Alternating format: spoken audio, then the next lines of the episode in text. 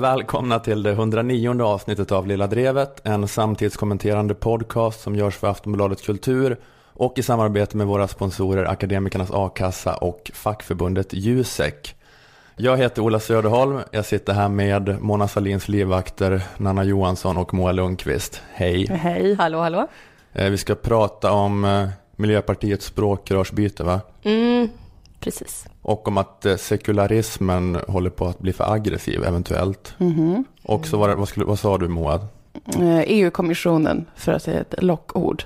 Okej, Mm, precis. Vilken Jag, se, gottepåse idag. Ja, visst. ja, jag ser det framför mig svart på gult, EU-kommissionen, som eh, löpsedels.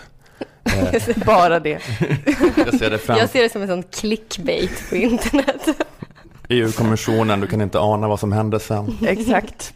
Jo, men jag tänkte först eh, då ta upp den här vidriga hetsjakten på Mona Sahlin. Okej. Hon har tvingats avgå från sitt uppdrag som ordförande för regeringens nationella samordnare mot våldsbejakande extremism. Mm. Hon är inte regeringens nationella samordnare utan hon är ordförande för den nationella Jaha, jag samordnaren. trodde hon var samordnare. Den nationella samordnaren låter ju som att det är en person. Men det är en, liksom en, en grupp. Ja, det är en grupp, precis. Eh, och bakgrunden är eh, att en eh, livvakt som är anställd då på nationella samordnaren, han skulle köpa en dyr lägenhet. Men bostadsrättsföreningen kollade upp hans deklaration och ville inte godkänna att han skulle få köpa lägenheten för de menade att han inte hade råd att bo där och betala avgiften med den inkomsten. Har ni hört om den här historien eller? Mm. Eh, Och han tjänar då 43 000 kronor i månaden på jobbet hos den nationella samordnaren. Men hans chef, Mona Salin, skrev ett intyg om att han tjänade 60 000 i månaden på det jobbet. Så himla schysst. Jättesnällt. Och inte nog med det, hon skrev också på intyget att han utöver det är anställd personligen av henne till en lön av ytterligare 60 000 kronor. Okej. Så han tjänar 120 000 i månaden då. Ha. På intyget. Hon skrev allt det här falska på ett intyg. Som livvakten använde när han gick till hyresnämnden och överklagade beslutet om att han då inte skulle få köpa lägenheten. Sorry, ber om ursäkt. Förskräckligt. Så sa Mona då när hon blev konfronterad. med att hon hade skrivit så här på intyget. Eh, men det hon sa sorry för här då, det var att hon hade skrivit eh, fel om lönen från regeringen. Alltså att hon hade skrivit det här 60 istället för 43. Hon vidhöll den här konstiga historien om att hon anställt honom själv. Och betalade 60 papp i månaden ur egen ficka. Och det blev bara så här fruktansvärt pinsamt. Hon skulle försöka fixa till i efterhand att det varit så. Registrera sig som arbetsgivare och Ja, ja. betala in inte, arbetsgivaravgift. det är inte rätt väg att gå, Mona. Nej, det var verkligen som att här, ge Expressen-reportrarna en, en eh, liksom, liten bit att äta steg för steg. Liksom. Ja. De bara kunde kolla upp varje led. Så blev det en ny konfrontationsintervju. Men ja, hon avgick eh, och alla var överens om att hon måste avgå. Hon var också med på det. Mm. Hon är van. Ja.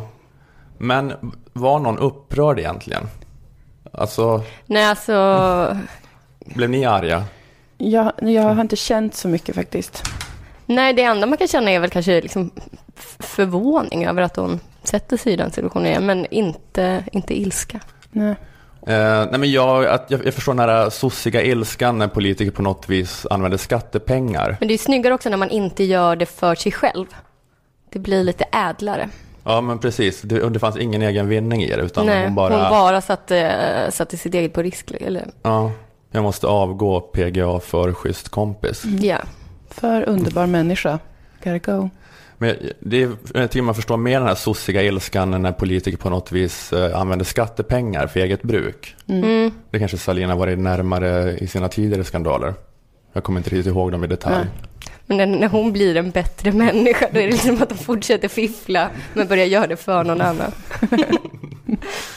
Det altruistiska fifflandet, det är en utveckling i hennes karaktär. Men det är inte riktigt, jag, alltså jag, men jag förstår att man blir arg när det är så, men jag, jag blev bara inte arg av det här. Det är väl i och för sig nepotism. Men eh, jag vet, jag, jag har tänkt så att ingen är så arg egentligen, men hon måste ändå avgå. Mm. Alla är överens om att Mona Sahlin måste avgå och låtsas be om ursäkt till alla som låtsas vara upprörda. För att det är fel, så här, juridiken är solklar i det. Mm. Men hur arga är vi? Det är väl också att det är kul det här, att det spekuleras i att hon ligger med den här livvakten. Hmm. Eller? Jag hade inte hört det, men nu eh, tycker jag att det lät intressant. Då blir det Det lite mer kul. e- egenintresse kanske. Om, Ja, om det är man lite liksom snuskigt gjort strör nästan. sådana gåvor över sin älskare. Jag tänkte att det var, ett, att det var ett meme att alla gör skämt på Twitter nu när de klipper in Salins huvud på Bodyguard-filmaffischen. Men det kan ju också här, okej om det är så då, om hon ligger med honom. Det tycker jag att Mona ska få göra. Ja, Ja, Vad är det för jävla tristkvistar som inte unnar Mona Salin att ligga med sin livvakt och skriva ut ett fejkintyg om att han har högre lön än vad han har. nu ska Mona ordna det här. Blev det för upphetsande här. Jag ber om ursäkt om några lyssnare har kommit redan. Pikade för tidigt den här podden. I och för det luktar lite sol och vårar över det då kanske. Hur ung var livvakten, vet vi det? Nej, men Nej. jag tänker att det är rätt sannolikt att han är yngre. Mm, det är det. Tänker mig. Jag tänker att alla livvakter är runt 30. Det måste vara Ingen nå- källa på det i och för sig. alltså man måste ju väl ha ganska bra fysik i alla fall för att vara livvakt. Ja, Ja, men det, att det, är- så tänker jag den här historien kanske då, att den här livvakten eh, utnyttjar henne på något sätt. Mm. Men det tycker jag bara väcker sympati också. ja för Mona ja. Eller gör det henne olämplig som nationell samordnare mot våldsbejakande extremism, att hon är så lätt duperad så att hon kan värvas till IS när som helst. Just det. eh, och just det, det är en sak som jag ska understryka, att vi vet inget om det här. Det är rena Nej. gissningar om deras relation. Mm. Eh, så, och, och vi vet inte hur det är, alltså Salin kanske bara skriver ut sådana här intyg åt alla som frågar. Mm. Eftersom att det är en helt vanlig grej. Himla schysst. Ja, men för snäll eller liksom eh, för kär eller lite, lite lättlurad. Men jag tycker inte något av dem är dödssynder. Nej, Nej. tycker inte jag heller faktiskt. Vi har lyckats få ner det till att det kan vara de tre alternativen. Alltså hon, hon kanske inte får ha kvar sitt uppdrag, men gud vad hon kommer få kompisar. Verkligen. Ja, det, hon behöver sig en chefsposition för att kunna värva kompisar. När hon har den här taktiken att få kompisar. Måste kunna. Mona bjuder laget runt, men Mona du har inga pengar kvar. Jag har inget jobb längre. Ja, men min känsla för det här då var att eh, det var lite så här, äh, vadå? Ja, ja, visst. Jo, jo, visst, men är det så jävla farligt och ja, men jag fattar, men äsch. Och det var väl mest lite gulligt. Så var min eh, känsla för det här då. Men, men den delades inte alls eh, av panelen i P1 Godmorgonvärlden. Mhm. Jag hörde det. Det, det var, alltså de var så inåt i helvete upprörda. Oj. Galet upprörda. Det är så pinsamt alltihop så det är svårt att prata om praktiskt taget, skulle jag påstå. Ja, Göran Greider är så förgjord av sekundärskam Oj. att han inte ens klarar av att prata om det. Tycker Göran Greider att det är så äckligt att en kvinna i övre medelåldern har behov? Det är pinsamt att göra en grej där. Återigen, jag vet ingenting, vi vet ingenting om det här. Nej, Nej. men man får väl re- spekulera. Rena spekulationer. Källa, olika skämt jag sett på Twitter som antyder det här. Ja. Men en annan av panelisterna, eh, Elisabeth Sandlund från tidningen Dagen, hon sa så här. Kom, Sen är det ju det här med förlåtelse, om jag nu får uh, uttala mig i min egenskap från dagen. Att. Man säger ju ofta att ja, men allt går ju att förlåta och det lär vi ju oss i kyrkorna och av den kristna tron. Men det är ju faktiskt så att inte ens i det sammanhanget, så även om man blir förlåten, så Ja. blir det inte bra. ja, Så ingen kommer kunna förlåta Mona Sahlin för det här. Men också orka vara så klyschig att man kommer från tidningen Dagen och börjar prata om. Ja, det är, det är Men det är att Elisabeth Sandlund understryker att hon är kristen. Men att det finns också gränser för Jesus nåd. Det, ja, det är hårt. det finns ingen väg tillbaka från vissa synder. Vi måste skriva om Nya Testamentet. Göra en uppdatering av evangelierna. Den botfärdige rövaren som hängde på korset bredvid Jesus bekände sina synder och sa Jesus, tänk på mig när du kommer till ditt rike. Och Jesus svarade då Amen, säger jag dig. Redan idag ska du vara med mig i paradiset. Men, får man då lägga till, att på ett annat kors bredvid Jesus hänger Mona Sahlin och säger Jag mixtrade med ett intyg för att hjälpa en kompis lägenhetsköp och få det gå igenom. Förlåt mig, tänk på mig när du kommer till ditt rike Jesus. Och Jesus bara, brinn i helvetet Mona. Brinn för evigt. Ja, jag, jag, vet, jag vet egentligen inte vad jag snackar om här. Jag, jag har ju inga argument för att det är fel att Salin måste sparkas ut. Men det är bara en känsla av att jag inte är så upprörd. Nej. Jag vet inte, bryr sig någon egentligen? Alltså om det nu var så att hon var så jävla duktig på att sitta i tv och säga att, att det är fel med extremism, eller vad hon nu jobbade med. Då kunde hon kanske fortsatt med det. Kunde Ja. man inte bara fått henne att sluta hänga med den där killen? Precis, fixade liksom, sopar under mattan. Säga att han var inte, verkar inte så bra.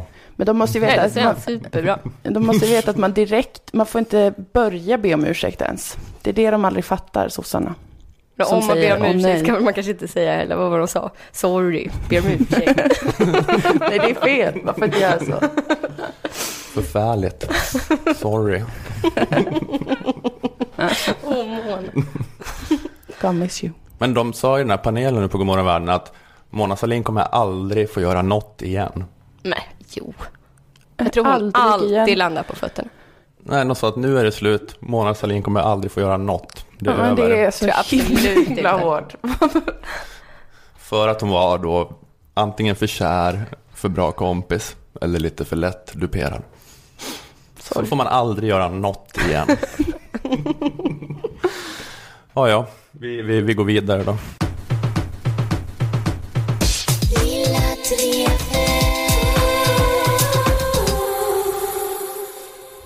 Åsa Romson har avgått. Efter en massa tjafs och skriverier fram och tillbaka har hon nu gett upp. Checkat ut från det klimatvänliga hotellet, kastat in hampahandduken och så vidare och så vidare. Eh, Hon kommer inte längre vara språkrör slash miljöminister slash vice statsminister. Hon kommer vara Åsa Romson, en helt vanlig tjej med ovanligt glansigt hår. Eh, Hur har hon då tagit allt det här? Att valberedningen inte har något fortsatt förtroende för henne. Hur har hon tagit det? Hon har tagit det superbra. Säga vad man vill om Åsa Romson, men hon är en good sport. Jag såg henne i Aktuellt. Jag tyckte inte att hon smajsade. Hon Hon behöver väl inte vara lycklig? Nej, nej, nej, nej. Men hon log med munnen. Men eh, ja, jag ska inte ta ner stämningen. Hon, men det, det, det är som sagt det är inte det viktiga, utan det är ju att hon... Men hon, det har liksom, jag tycker inte det har varit några tjuvnyp, inga giftiga kommentarer Nej, nej, om någon precis. annan, ingenting sånt. Eh, och på det sättet är hon ju liksom en sån förlorare som det inte är kul att vinna mot. Nej, det bara känns vemodigt. Ja. Eh, Men jag tycker också att det kanske inte är så konstigt att hon inte är ledsnare. Eh, För visst måste det finnas ganska starka stråk av lättnad i det här avhoppet. Äntligen så kommer hon ju slippa alla de här säga dumheter-maskinerna som journalisterna envisas med att trycka upp i hennes ansikte. Eh, Mikrofoner. Du Orolig. överförklarade skämtet. Eh, så jag är inte det minsta orolig för Åsa Romsons psyke. Hon kommer klara sig alldeles utmärkt. Kanske till och med trivas lite ute i kylan. Ligga och gona sig. Eh, jag skulle bli väldigt, väldigt förvånad om Åsa Romson plötsligt ballade ur. Sänkte en 70 gick tillbaka till jobbet i bar underkropp och med en machete i händerna. Eh, det tror jag liksom inte kommer hända. Nej. Eh, För, men nu, nu är det som att Isabella Lövin tycker att det känns jobbigt att ha vunnit över henne. För Ja. att hon är så eh, god och stoisk och stor. Och Ja, bara, precis. bara ta det att det är nu... Ja, men det känns som att man har begått något övergrepp när man vann mot henne. Men hon, Isabella Lövin längtar efter att hon ska bli tokig kanske. Och svepa en 70 Så att Det hade varit ska vara, lättare för Levin att fira om Åsa hade gjort så. alla, alla, alla kunna så här, mysa ihop sig att hon är ju galen. Hon Ja, är helt jävla Klart hon tokig. fick gå. Tur att det är du nu istället Isabella. Nej men så, så äh, Åsa har tagit det bra, men jag vill att vi leker med tanken att det istället var Gustav Fridolin som var den som inte hade valberedningens fortsatta förtroende. Eh, skulle han vara en lika good sport i nederlagets stund? Nu Intressant. pratar jag alltså på insidan, inte på Ja. utsidan. Han kan säkert också le med munnen. Jag tror absolut inte det alltså. Nej, jag tror inte heller det. Jag tror att han eh, tänker att han är miljöpartist Messias och att det finns inte på kartan Nej. att något ska kunna få stå i vägen för det, hans eh, utstakade karriär. Nej men precis, det här uttrycket att gå över lik för någonting. Alltså jag tror att han bokstavligen skulle kunna gå över lik för att få sitta kvar. Alltså döda någon, stampa på den döda kroppen för eh, att få vara kvar. Innan du får valberedningsförtroende har vi ett test Gustav. Ja, Så släpar de alltså in. jag tror de skulle kunna säga vilket test som helst. Eh, du måste olla det där ojordade eluttaget. Okej. Skulle jag vad som helst eh, för att få stanna kvar. Eh, det är vad jag tror och jag bygger det dels på feeling eh, och dels på det faktum att han gick med i Miljöpartiet som 11-åring. Jag upprepar, 11-åring. det är När andra hade hobbyn peta sig i näsan så att han och skrev motioner. Eh, Så här skriver till exempel föräldrar till en vanlig 11-åring i en fråga till sidan psykologiguiden.se. Hur sätter vi gränser för vår 11-åring? Vi har en dotter som är 11 år. Det enda hon vill är att vara hemma hos kompisar, vill inte göra läxan, svarar jätteotrevligt, får utbrott, smäller i dörrar, skriker och gapar. Vi försöker prata och när vi har kommit överens om något som hon också har fått vara med att bestämma så töjs det på gränserna, exempelvis tider eller att göra läxan. Hade Fridolins föräldrar skrivit hade det kanske varit eh, Vi har en son som är 11 år. Det enda han vill är att diskutera hållbar industri och när man frågar något svarar han jättepopulistiskt Hjälp! Eh, det är väldigt få som har exakt samma intressen idag som när de var 11, men Fridolin är en av dem. Han har haft exakt samma drömmar och mål eh, sedan han var tween. Han är liksom stöpt i en form nu och kommer inte kunna förändras. Eh, lite som Mowgli. Miljöpartiet har liksom varit Fridolins vargfamilj sedan barnsben. Han känner inte till något annat än att vara den här brådmogna karriäristen. Han kommer aldrig kunna smälta in i människobyn där vi andra bor. Eh, och det är lite det som gör mig så orolig för den dag han inte längre kommer vara önskvärd i partiet. Den dag valberedningen vill föreslå att det är han som ska ersättas. Eh, tror att de kommer behöva ha ett sånt riktigt traumateam i beredskap. Eh, kanske en barnpsykolog, eftersom han gick med i så unga år. Han har inte fått bli vuxen i den verkliga världen. Hans verkliga värdenivåer är ju fortfarande den där 11-åringens. Eh, Men jag tycker också att det kanske inte går att avsätta honom, för jag vet inte ens om det skulle gå in. Om man sa att han måste sluta. Jag tror det bara skulle börja liksom spelas hissmusik i hans huvud och sen skulle han gå till jobbet som vanligt på måndagen. Folk försöker liksom hinta för honom att han inte är välkommen, men han bara stirrar frånvarande ut i luften, frågar vad är det här med att mitt passerkort slutat funka? Men det ska inte vara herr Gustaf Fridolin. Eh, Det är något konstigt fel med mitt kort. Gå hem! Och så vidare. Eh, Men jag kan också fatta det, liksom, vad, vad skulle han, han... Han känns ju inte som typen som pallar att vara arbetslös. Han skulle aldrig ha någon sån skön Reinfeldt-tillvaro. Bara gå runt och snaska falukorv. Men det är så jag tänker mig att Reinfeldt har det. Källa hans eh, sommarprat. Eh, men jag tror inte ens Fridolin vet vad ordet mysbyxa betyder. Vad ska han göra om dagarna? Skulle han ta upp sin gamla podd igen? Hej, du lyssnar på Kaffe och bulle med mig, Gustaf Fridolin. Ja. Eh, det där var förresten från avsnittet med eh, Daniel Sjölin, eh, som man också kan kalla författarnas svar på Fridolin. Men jag tänker mig att en Fridolin utan språkrörspost är som en Ola Söderholm utan den här podden. Du är ju Lilla Drevets Fridolin. Rädda mig om jag har fel nu, men jag föreställer mig hur du, Ola, mellan avsnitten bara sitter hemma och tittar på väggklockan. Åh, måtte det snart bli nästa vecka så jag får göra ett nytt avsnitt. Men sekundvisan rör sig så sakta, så sakta. Du går och gör lite gröt. Kom tillbaka. Bara fem minuter har gått. Det är tre dygn och 17 timmar kvar. Åh, dumma minutvisare som inte rör sig snabbare. Visst är det lite så? Ja, Och om du då inte skulle ha någon podd att gå till om alla de där ändlösa sekunderna bara minnade ut i ett ingenting, då vågar jag inte ens tänka på hur du skulle reagera. Jag är ganska säker på att du skulle sänka en 70 gå ut på stan med bara underkropp och en machete. Eh, Så därför tänker jag att när Lilla Drevet läggs ner så kommer vi andra liksom ändå få möta upp dig en gång i veckan och sitta här och podda på låtsas i sådana där barnmikrofoner med en sladd som inte leder någonstans. Eh, Så kanske vi skickar in det till Aftonbladet som lägger upp podden i datorns papperskorg. men finns så läskig känsla av att det har varit så i ett par år redan nu kanske. Tänk om det är så. Att det här är någon slags Truman Show ni har iscensatt för mig. Nej men det kommer bli så. Jag tror att det är det arrangemanget som kommer krävas för att hålla din psykiska hälsa intakt. Att vi andra liksom lajvar att allt är precis som vanligt. Eh, och det är så jag tänker att Miljöpartiet måste göra om de någon gång vill dumpa Gustaf Fridolin. De får ha en riktig partikongress där han inte är med och sen ha en partikongress på låtsas som bara är för honom. Där allt är precis som vanligt, bortsett från att alla är inhyrda skådisar. Och sen fortsätta med den proceduren ända tills Fridolin dör. Eh, Jag tycker faktiskt det är partiets ansvar. Det var de som tog en blott 11-årig pojke och gav honom en identitet.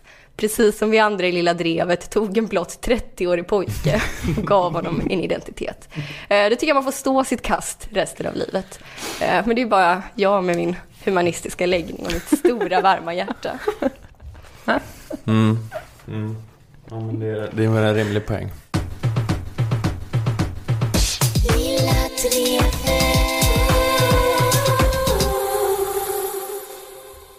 Vi är eh, oerhört glada över att vi nu har med oss fackförbundet Jusek som sponsor. Gå Ja. med i facket kids. The Union Forever Defending Our Rights. Yes. Eller hur? vad cool det blev helt plötsligt. Ja. Coola lyrics. När fick du på den där kepsen bakom fram? Precis. Tar du tillbaka det du sa om det här med Fridolin-liknelsen va? Ja. Eh, jo, den vanliga associationen när man säger Jusek, det är att det är juristernas förbund. Men det är inte hela sanningen. Två tredjedelar av Juseks medlemmar jobbar med annat än juridik. Eh, JU i Jusek står för jurist, S står för samhällsvetare och EK står för ekonomer. Men det är inte heller hela sanningen. Okej. Du organiseras också av Jusek om du jobbar som kommunikatör eller med IT eller HR. Eh, Alltså är personalvetare är väl det. Hmm. Men det blir ett för långt namn. Och ha Eh, med alla dem. Jusek. Ja, man, man får inte in allt i förkortningen riktigt. Nej. Poängen är i alla fall att det är väldigt många branscher som organiseras av Jusek. Mm. Så att eh, många av er som lyssnar eh, ska gå med i Jusek. Eh, och medlemskapet innebär då framförallt en kraftigt förbättrad inkomstförsäkring. Eh, A-kassan ger som ni vet en ersättning på 80% av lönen för den som blivit av med jobbet upp till 25 000 kronor. Men Jusek-medlemskapet ger dig ett skydd upp till 80 000. Alltså, Herregud. eller hur? Gå med i Akademikernas a-kassa för 100 kronor i månaden eh, och du får 80% av 25 000 kronor. Känner du att du är en sån som hellre vill ha 80% av 80 000 då lägger du till 251 kronor. Kostar alltså 351 kronor totalt att vara med i Akademikernas och Jusek. Eh, ganska billigt tycker jag. Eh, läs mer på jusek.se eh, om hur du gör för att gå med samt få information om allt annat facket gör för att hjälpa dig som medlem. Det är inte bara inkomstförsäkringen. Eh, du kan även gå med i Jusek som student om du håller på att utbilda dig i en av Jusek-branscherna. Det kostar bara 100 kronor som en engångssumma och gäller sedan hela studietiden. Ja, I alla fall, förutom vad man själv får ut av det så är det ju solidariskt med alla andra jobbare att vara med i facket. Var solidarisk med alla andra som säljer sitt liv till The Man Just det och var solidarisk med den här podcasten. Eh, Skriv gärna din ansökan om du tog steget och gick med i Jusek tack vare den här podden. Skriv också gärna i sociala medier under hashtag lilla drevet. Eh, Och detsamma gäller ju akademikernas. Tack så mycket Akademikernas a-kassa och tack Jusek. Tackar, tackar.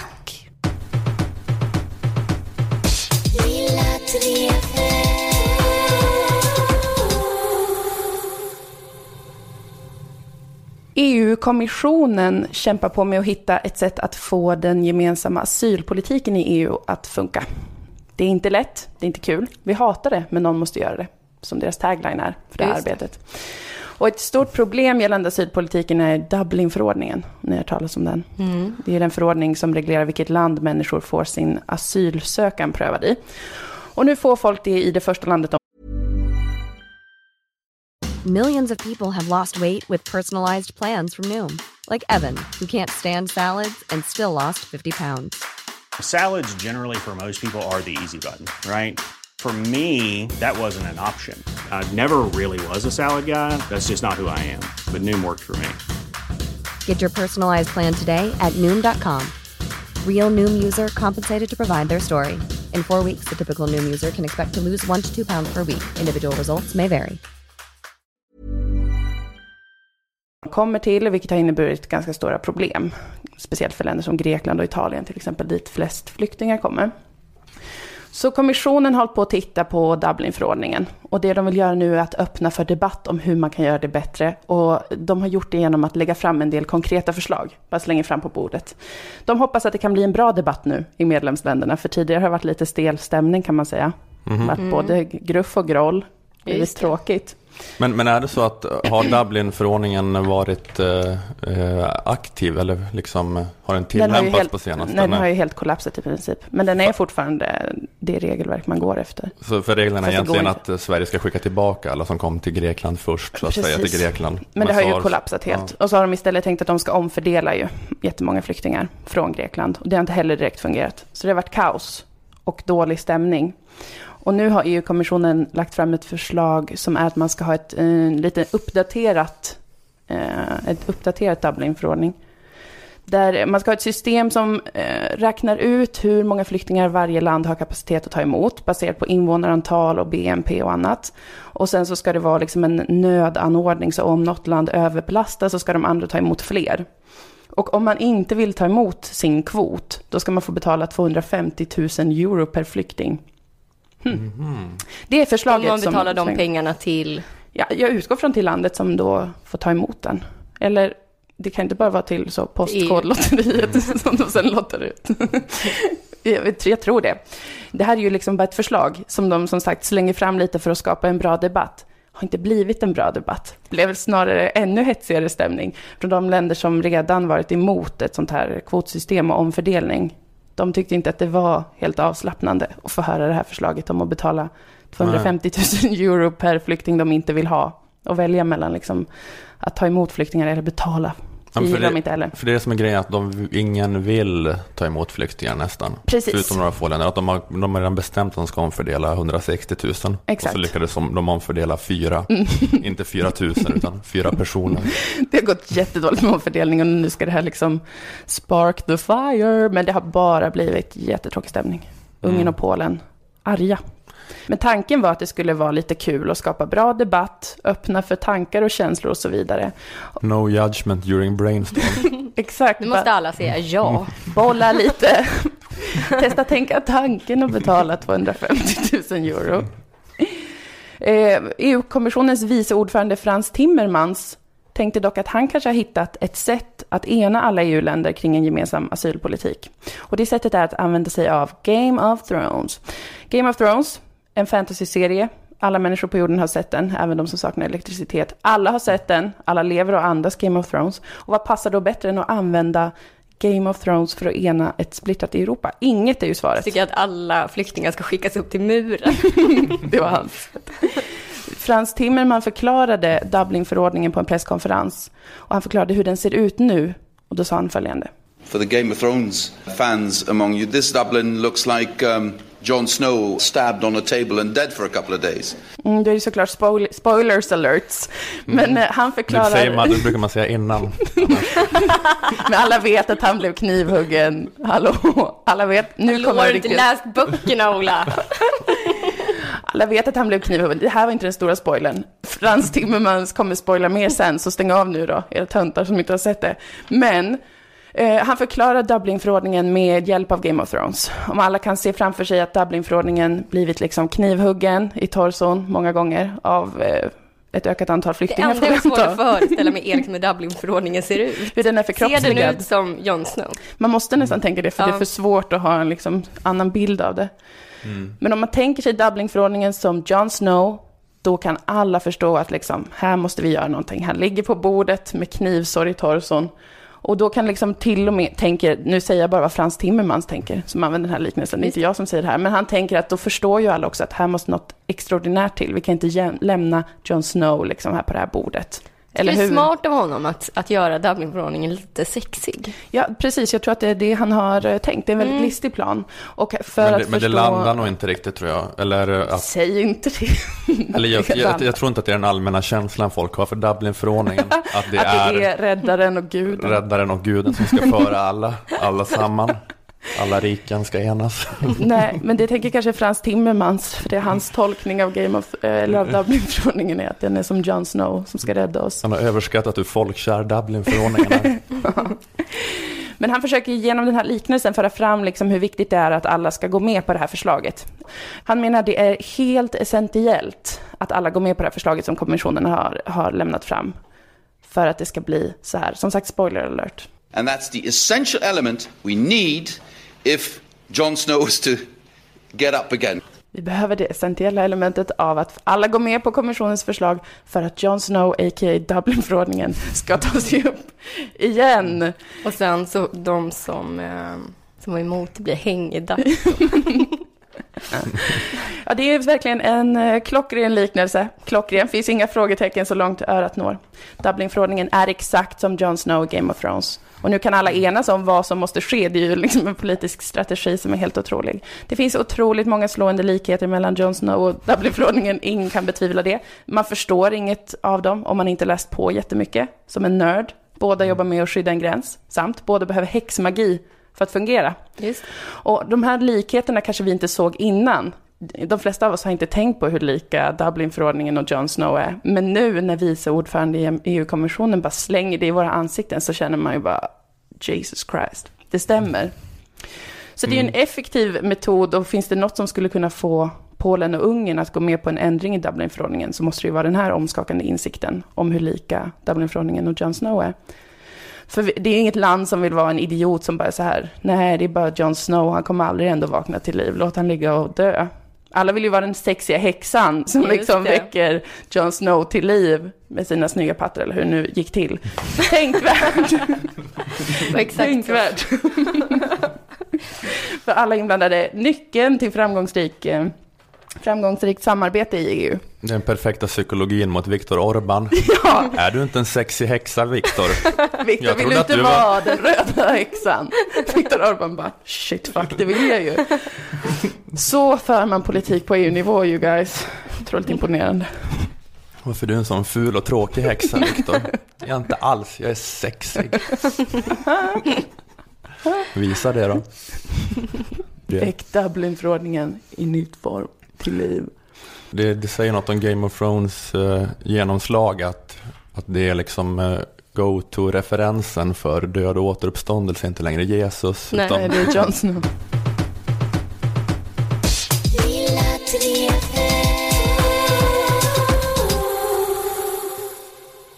eh, det varnas för jakobinism.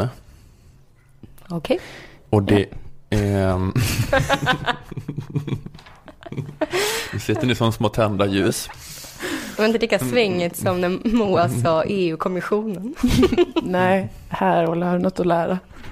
Jag gillar bara att säga svåra ord till tjejer och hoppas att de inte ska förstå dem.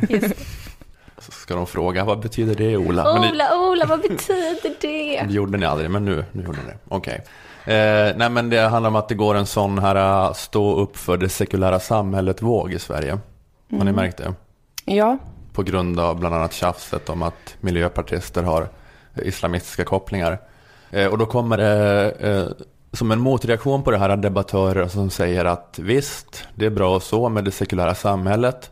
Men man måste se upp så att man inte blir fartblind i sin iver att stå upp för de human- humanistiska värderingarna och hamnar i jakobinism. Blir ni för ivriga i er humanisterna-pepp kan ni hamna i jakobinism. Eh, Och jakobinerna var en politisk gruppering under franska revolutionen under ledning av Robespierre. De var världens mest välmenande, upplysta, idealistiska och humanistiska personer. Men det slutade med att de inrättade skräckväldet och släpade ut alla till giljotinen på plats eller revolution. typiskt. Det skulle behöva sluta så. Så kan det bli, trots att man vill så väl. Eh, Och problemet med jakobinism är då enligt kritikerna att det är en väldigt dogmatisk och aggressiv och opragmatisk sekularism. Det är en religiös blind dyrkan av förnuftet.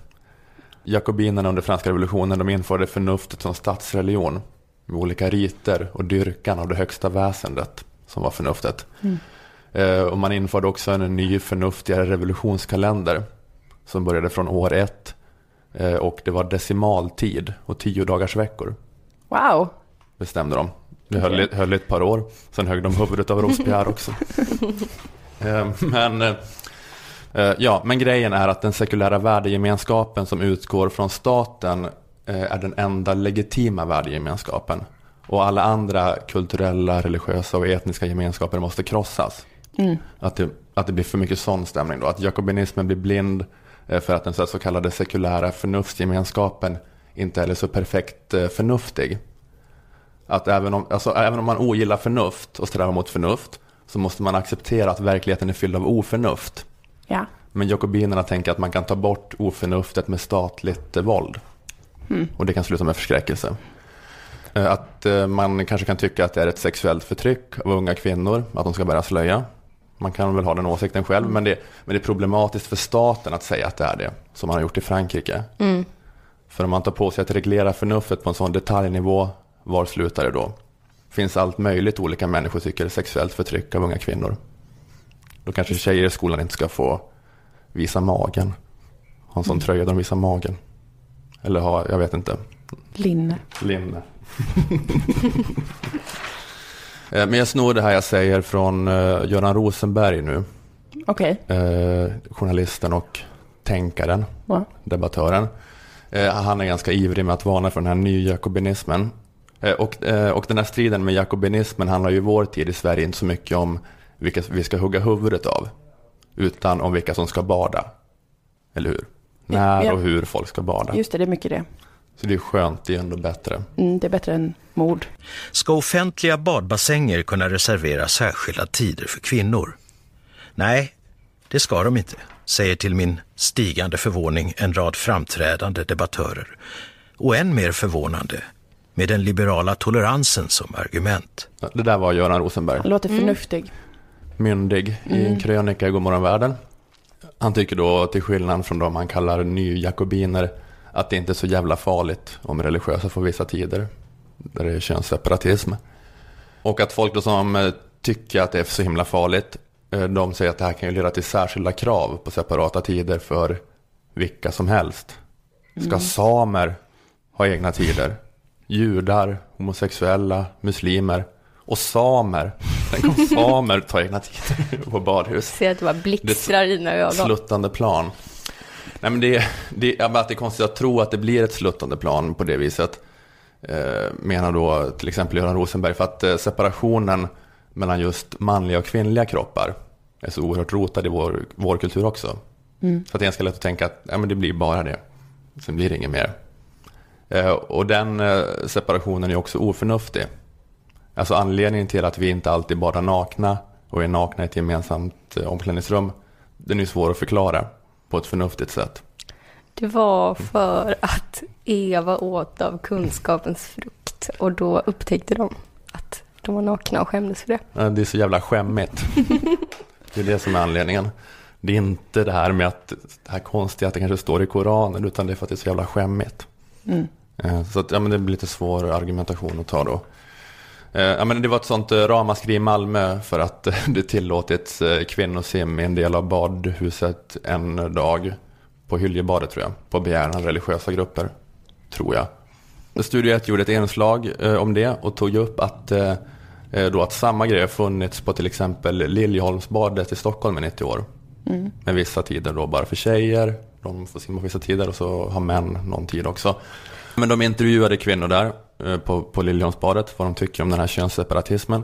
Jag tycker det är skönt att eh, mina herrarna har en dag och damerna en dag. Och, eh, nej, jag tycker det är skönt, det blir lite mer avslappnade bak kvinnor.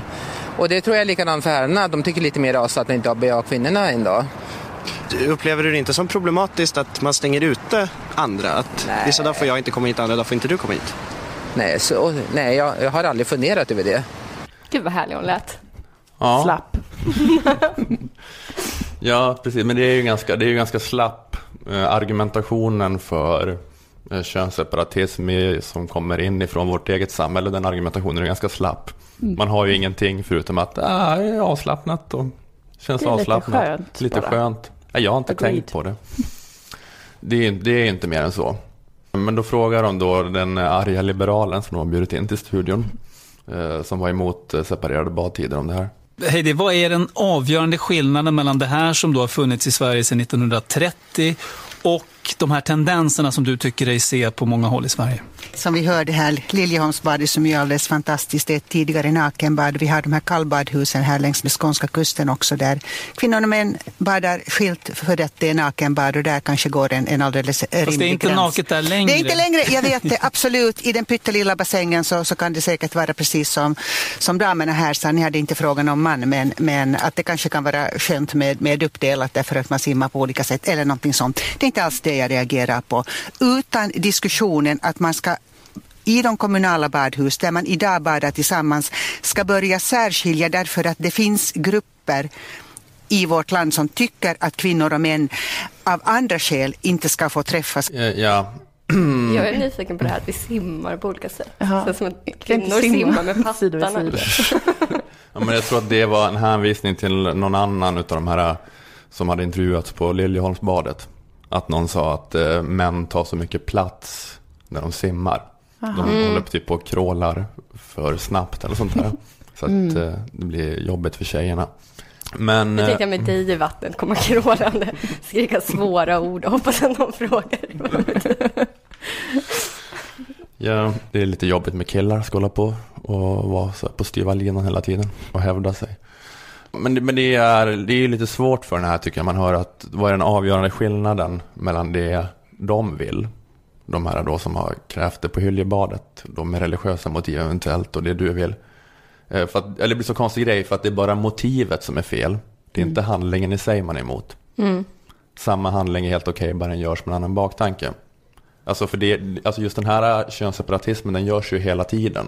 Typ på gym görs det väl det att, Ja, att det finns ju tjejgym. Ja, man ska kunna eh, gymma utan att, utan att det är massa killar som stirrar eller sånt där. Mm. Och, eh, ja, men, och på bad och så. Men ja, den blir bara svår då, den här jakobinismen, att, eh, att, inte, att det blir väldigt så här blind för en själv på något sätt. Mm. Alltså de här religiösa då som kanske har ställt krav om det här, de måste sluta säga att vi vill ha separata badtider för att det står i haditherna, eller vad det heter. Ja, det måste vara rätt sorts oförnuft.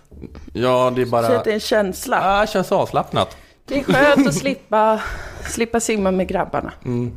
Så vi här i Islamiska föreningen, ja men vad skönt, känns så avslappnat, har inte tänkt på det riktigt. Det vore skönt att ha separ- separerade badtider.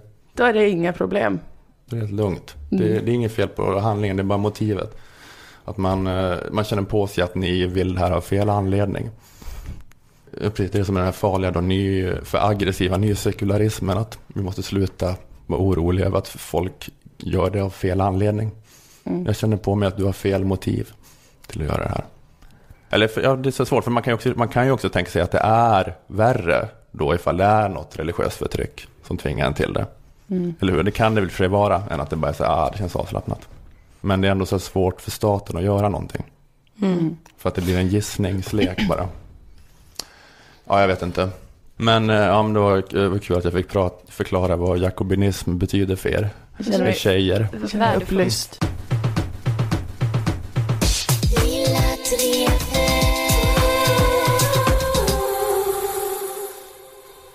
Vilket är det tydligaste tecknet på att sommaren är här? Eh, svett. Det är väldigt svettigt där inne nu. Ja, det är Mm. otroligt svettigt här.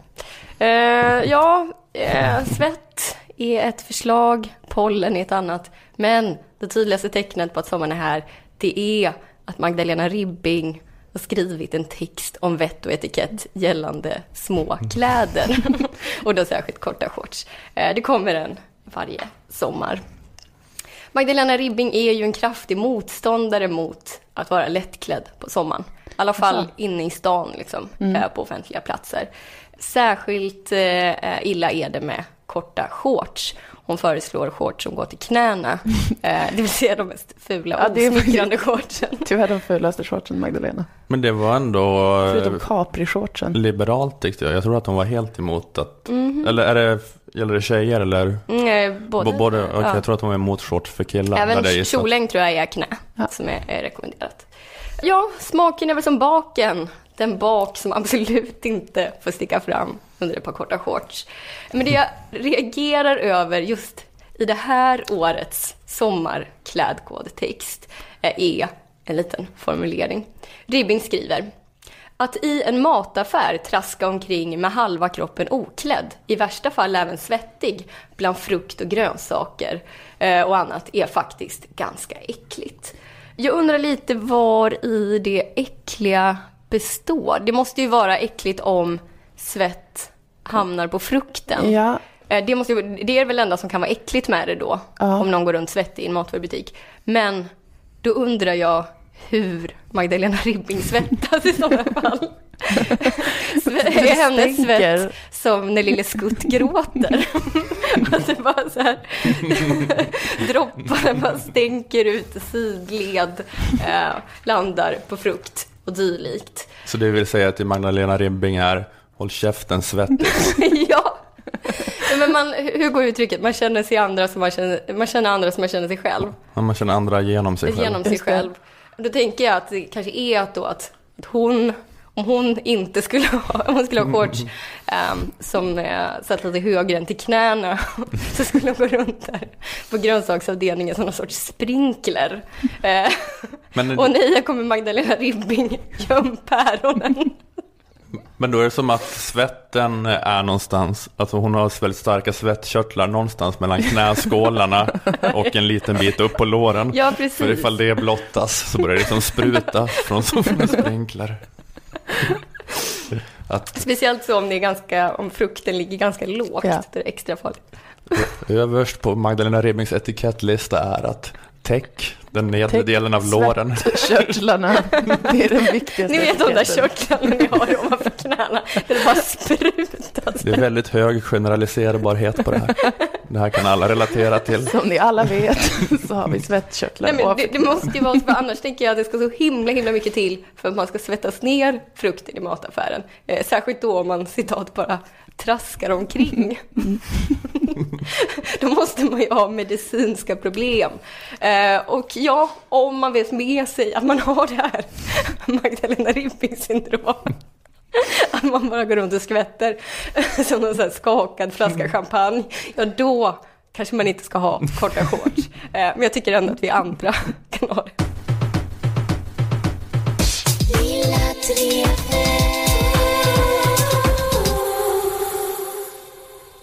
Jag och Dilan kommer ha vår föreställning, det nya tråkiga, den 18 maj i Malmö.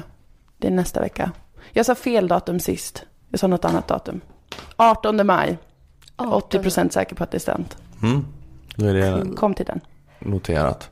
Eh, och jag kan puffa igen för den här eh, spelpodden som jag och Jonathan Unge har dragit igång. Eh, Spela spel. Finns där poddar finns. Som man säger. Just Man säger alltid det. Finns det poddar? Just Finns. det. Okej, jag heter Ola Söderholm. Tack så mycket Nanna Johansson och Moa Lundqvist. Tack Akademikernas A-kassa. Tack fackförbundet Jusek. Tack Aftonbladet Kultur. Vi hörs igen nästa vecka. Hej, då.